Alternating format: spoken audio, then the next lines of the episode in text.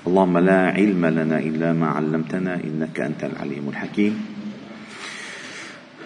علمنا اللهم ما ينفعنا وانفعنا بما علمتنا وزدنا علما. واجعلنا ممن يستمعون القول فيتبعون أحسنه. وأدخلنا برحمتك في عبادك الصالحين. وبعد فلا نزال معكم أيها الأحباب الكرام في مجالس القرآن ضمن دروس قرآن الفجر.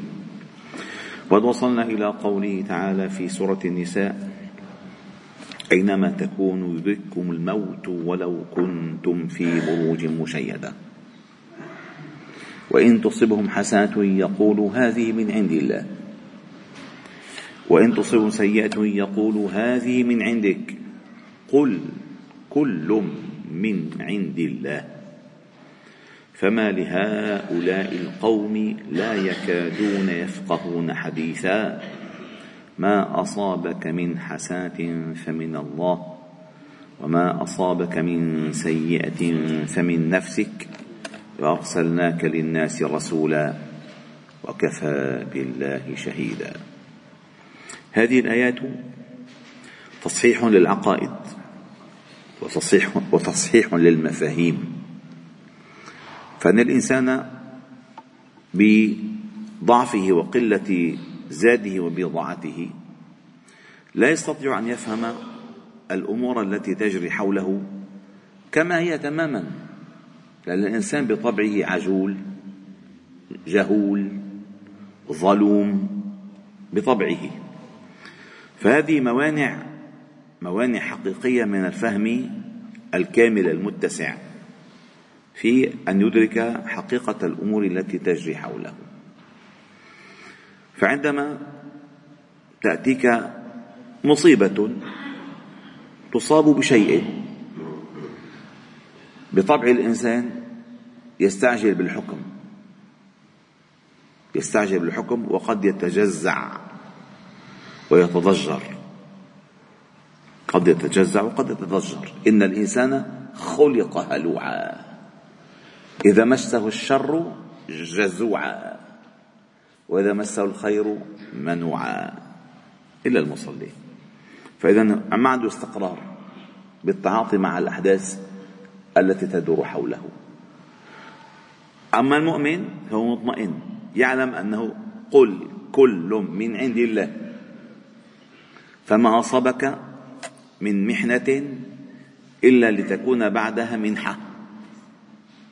وما أصابك من حسنة ومنحة إلا ليرى شكرك عليها فيزيدك بها قربا وفضلا ونعمة المنافقون كانوا في المدينة طبعا هذه السورة سورة مدنية. كانوا يقولون ما نقصت ثمارنا إلا عندما جاءنا هذا الرجل. فكلما حدثت حادثة هذا بسبب محمد صلى الله عليه وسلم. فكانوا هكذا يقولون. وكانوا يقولون مثبطين كما سبق في الآيات أنه لو كانوا عندنا ما ماتوا وما قتلوا وين فتحت على الباب باب القتل والموت فقال أينما تكونوا يدرككم الموت؟ ولو كنتم في بروج مشيدة. بما أن الله تعالى هو المدبر لهذه الأمور هو المدبر لأمور خلقه. هو هو المقدر هو القاضي هو الذي يقضي بالحق. فإذا هذه الأسباب التي ترونها هي بالنسبة لكم أسباب. أما الحقائق عند الله تعالى فلو كنتم في بروج مشيدة بعيدة منيعة حصينة خشية أن يدرككم الموت سيدرككم الموت. فليس الإقدام إلى ساحات الوغى تعجيل للموت ولا الاختباء في الحصون المحصنة هو بعد عن الموت. فالموت يأتي بغتة والقبر صدوق العمل. فقال ولو كنتم في بروج مشيدة. ثم قال وإن تصبهم حسنه يقول هذه من عند الله. وإن تصبهم سيئة يقول هذه من عندك أي بسببك. قل أي محمد صلى الله عليه وسلم قل لهم ولغيرهم. قل للأمة جميعا. قل أي بين هو النبي صلى الله عليه وسلم يبين يبين الوحي. قل كل من عند الله. فالله جل جلاله هو خالق الخير والشر ولكن لا ينسب الشر إليه ادبا. هو الذي يقضي بالحسنات والسيئات ولكن السيئات ينسبها الإنسان لنفسه. أي ما أصابه من هذه المسألة بسبب نفسه. فالله تعالى ابتلاه. وقد تكون ما أصابك من مصيبة خير لك.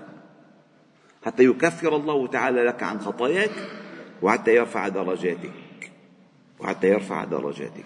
فقال لهم قل كل من عند الله فما لهؤلاء القوم لا يكادون يفقهون حديثا أي لا يفهمون إلا القليل.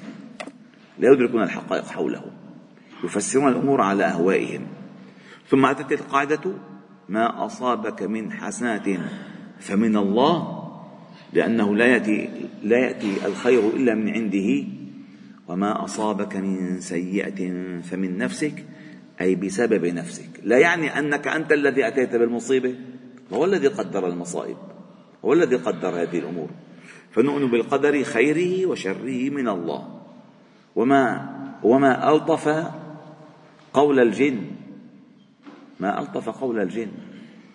عندما سمعوا كتاب الله تعالى هذا القرآن أن قالوا إن سمعنا قرآنا عجبا يهدي إلى الرشد فآمنا به. ثم قالوا وأنا لا ندري.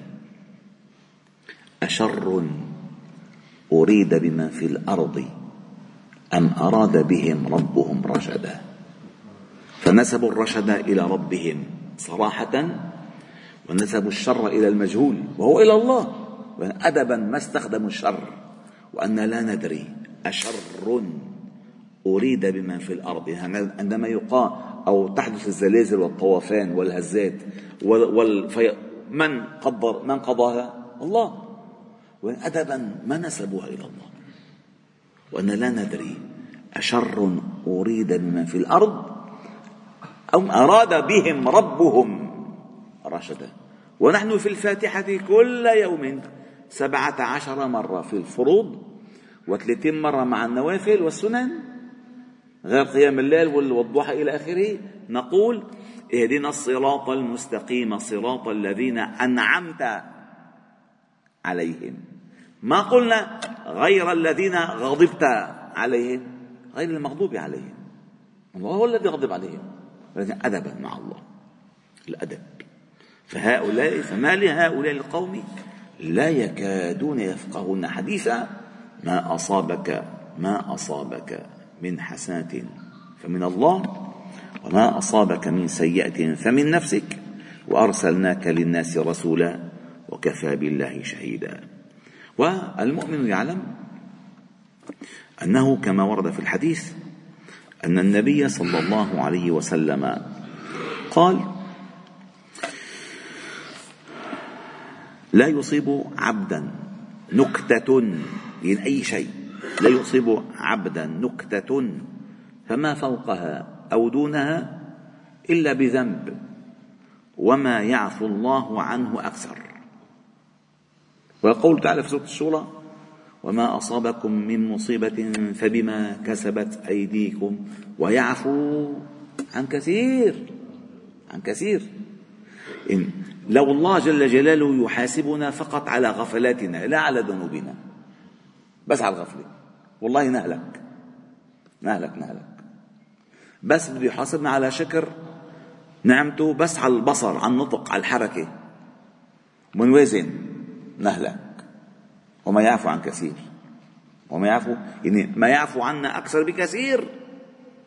مما أصيب بسبب ذنوبنا. يعني لو انفتح الملف والله نهلك وما يعفو عن كثير. ثم قال وقال النبي صلى الله عليه وسلم ما من عسرة. فشكل مش عطيت فشكل ما من عسرة. ولا اختلاج عرق. ولا خدش عود. إلا بما قدمت أيديكم وما يعفو الله أكثر. فلما الإنسان مثلا أصيب بشيء. أولا عليه أن يراجع نفسه. فإن, فإن راجع نفسه فقد نجا.